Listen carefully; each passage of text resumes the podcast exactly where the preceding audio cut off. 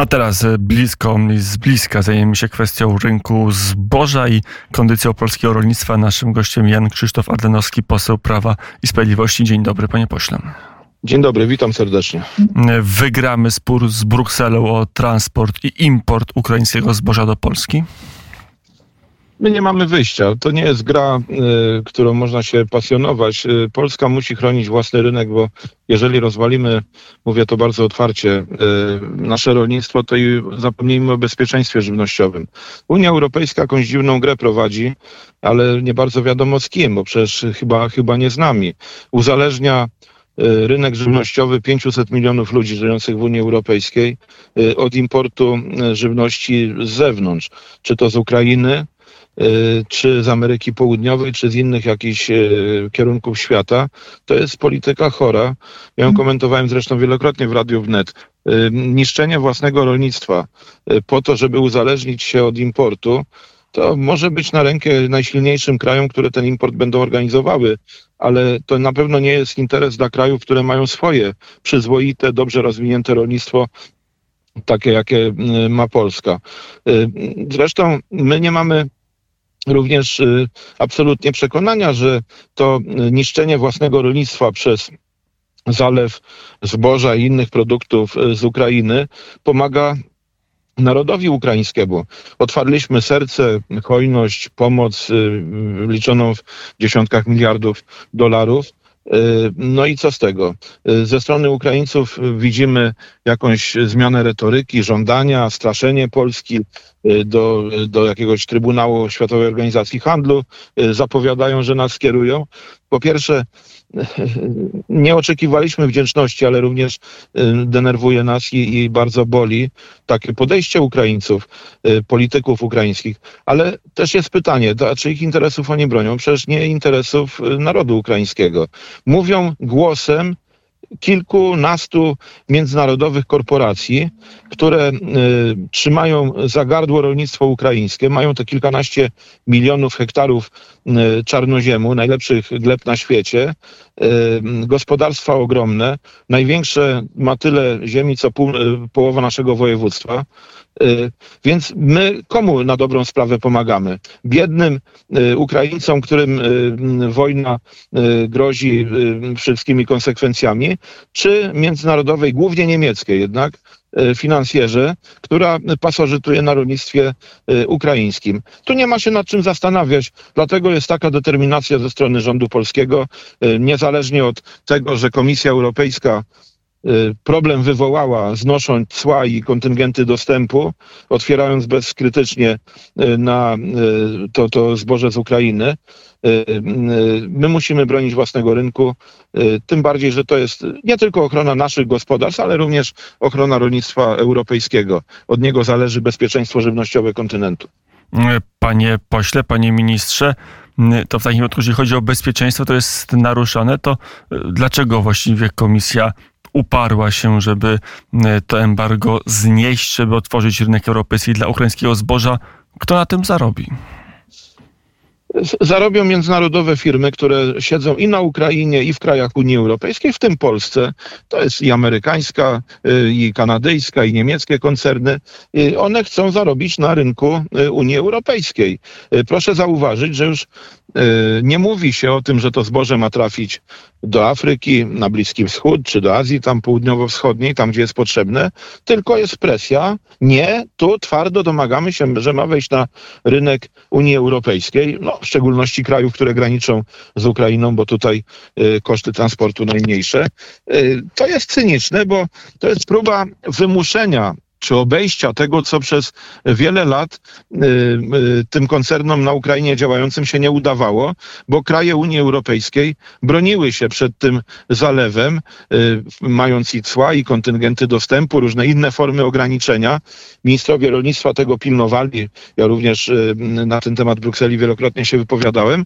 No teraz wszystko zostało decyzją Komisji Europejskiej otwarte to, to, ta żywność z Ukrainy ma wpływać, bo jest to rynek lukratywny, bo to jest rynek pewny, wysokich cen, stosunkowo niedługi, nie, niedalekich e, odległości, czyli kosztów transportu, ale my Ukraińcom mówimy wprost, my chcemy wam pomóc, my, Polska, powinna pomóc również Komisja Europejska, tutaj pomocy nie ma żadnej, pomóc w dostarczeniu do tych regionów świata, gdzie jest głód.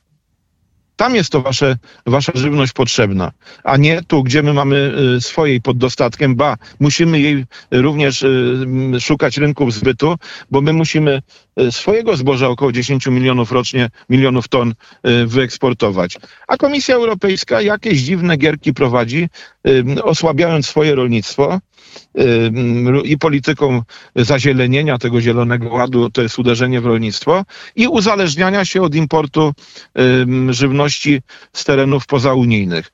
A może, a może to jest próba ja zawsze starałem się nie widzieć jakichś tutaj spisków, ale czasami dochodzę do wniosku, czy skoro nie udało się głównie Niemcom, czy szerzej y, tej, tej y, ekipie rządzącej Unią Europejską, decydować w sferze energii, no bo y, tym hubem miały być Niemcy y, gazu ruskiego jakieś dziwne ludki rurociągi podziurawiły, to teraz uzależnić Europę od żywności z zewnątrz, ale dystrybutorem tej, tej żywności będą firmy z najbogatszych krajów Unii Europejskiej. Nie rolnicy, tylko te firmy, które będą decydowały o imporcie, one będą rządziły. Na dodatek pojawił się nowy nurt, który też w jakiś sposób trzeba brać pod uwagę, że może być jedną z przyczyn tej absurdalnej polityki Komisji Europejskiej. Y, wielkie firmy globalne, które do tej pory żywnością się nie zajmowały, nagle chcą produkować żywność alternatywną. Tak to się mądrze nazywa, alternatywną. Czyli sztuczne mięso, sztuczne mleko, y, białko z owadów, y, różne inne erzace, i to nie jest problem, czy to się do jedzenia będzie nadawało, tylko y, niepotrzebne jest rolnictwo. Niepotrzebne są pola, niepotrzebne obory, chlewnie, hodowla zwierząt, niepotrzebni są rolnicy, bo ta żywność, tak zwana alternatywna, będzie wytwarzana w laboratoriach, w fabrykach i ten, który będzie ją wytwarzał, trzyma władzę nad społeczeństwem, nad ludzkością. Ten decyduje y, zarówno energią, y, jak również dostępem y, do, do żywności. Może może to jest właśnie to y, drugie czy gdzieś nam przy tym drugim i trzecim dnie głos pana ministra mm, Jana Krzysztofa Ardanowskiego znikł. Zaraz, mam nadzieję, uda się nawiązać mm, połączenie. No i dopytać też do skutków, jakie by było, gdyby wpuszczono do Polski, nie tylko do Polski, zresztą ukraińskie zboże, produkty rolne, czy to skończyłoby się masowymi bankructwami polskich rolników. Mam nadzieję, że za chwilę uda się to połączenie na powrót z panem ministrem ustanowić, żebyśmy mogli dalej e, kolejne pytania zadawać i być może kolejne konkretne odpowiedzi od pana ministra uzyskać. E, tymczasem, zanim to połączenie zostanie nawiązane, to może uda nam się przyjazd. To nie będziemy się na, na posiedzenie Rady Ministrów przenosić. Raz jeszcze Jan Krzysztof Ardanowski. Dzień dobry, panie ministrze. No coś tam przerwało. Coś, coś przerwało?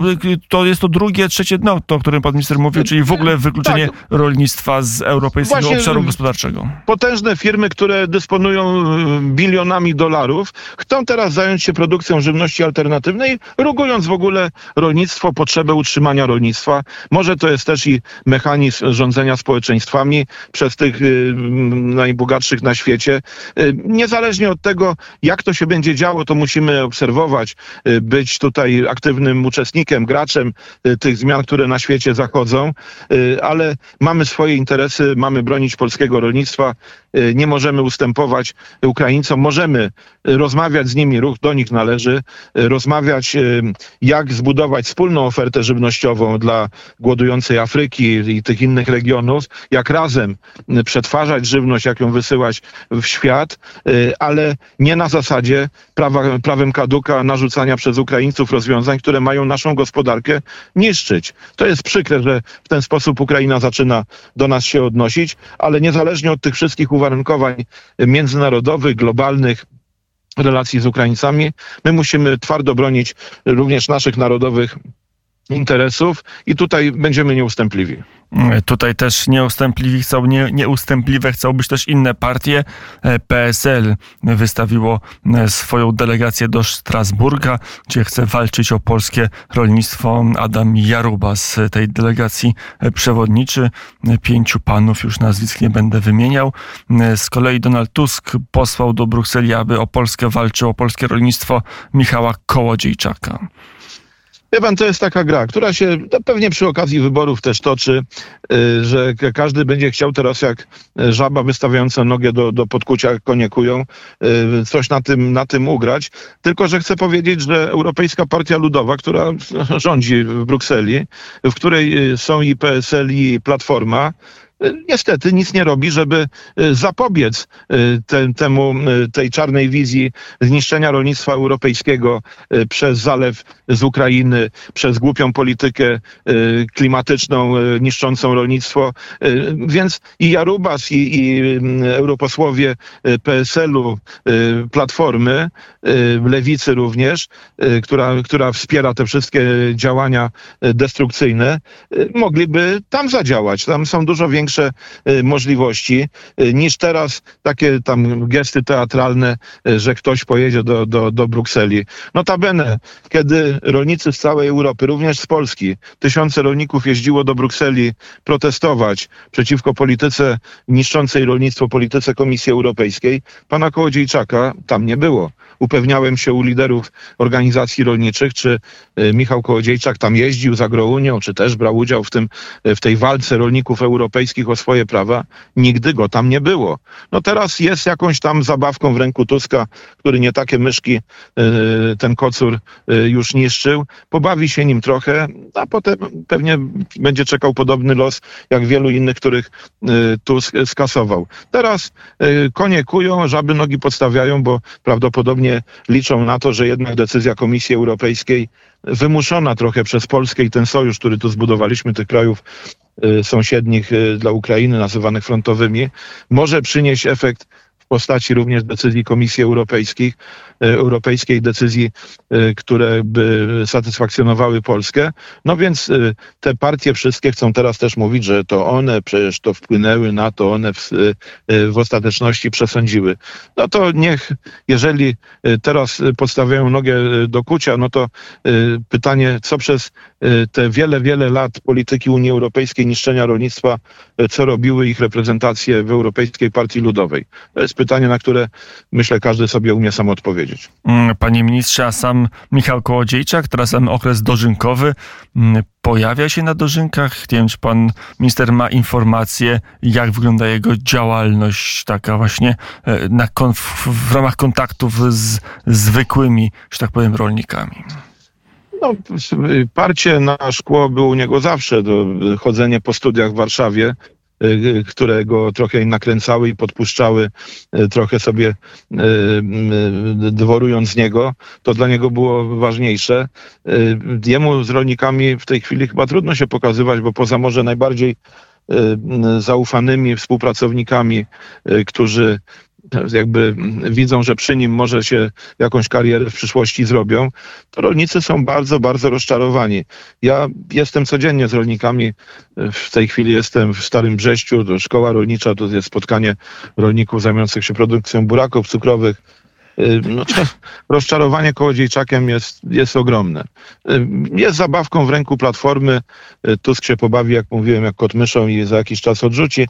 Natomiast kołodziejczakowi chyba nie jest w tej chwili łatwo, no ale widziały gały, co brały. Sam się na to zdecydował.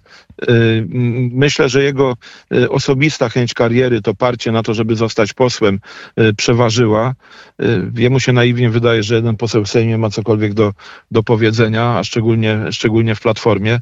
No ale to jest jego problem, nie mój. Ja nie atakowałem agrounii w jakiś sposób przesadny, uważając, że wygłupy Kołodziejczaka to jest nakarp młodości, jakiegoś może charakteru, może jakiegoś takiego naiwności i przekonania, że mm, hałasem, awanturą można coś tam y, załatwić, ugrać. Y, no ale potem zaczęły mnie mocno zastanawiać i niepokoić wypowiedzi y, wyraźnie prorosyjskie, bardzo antyamerykańskie, kwestionowanie naszych sojuszy.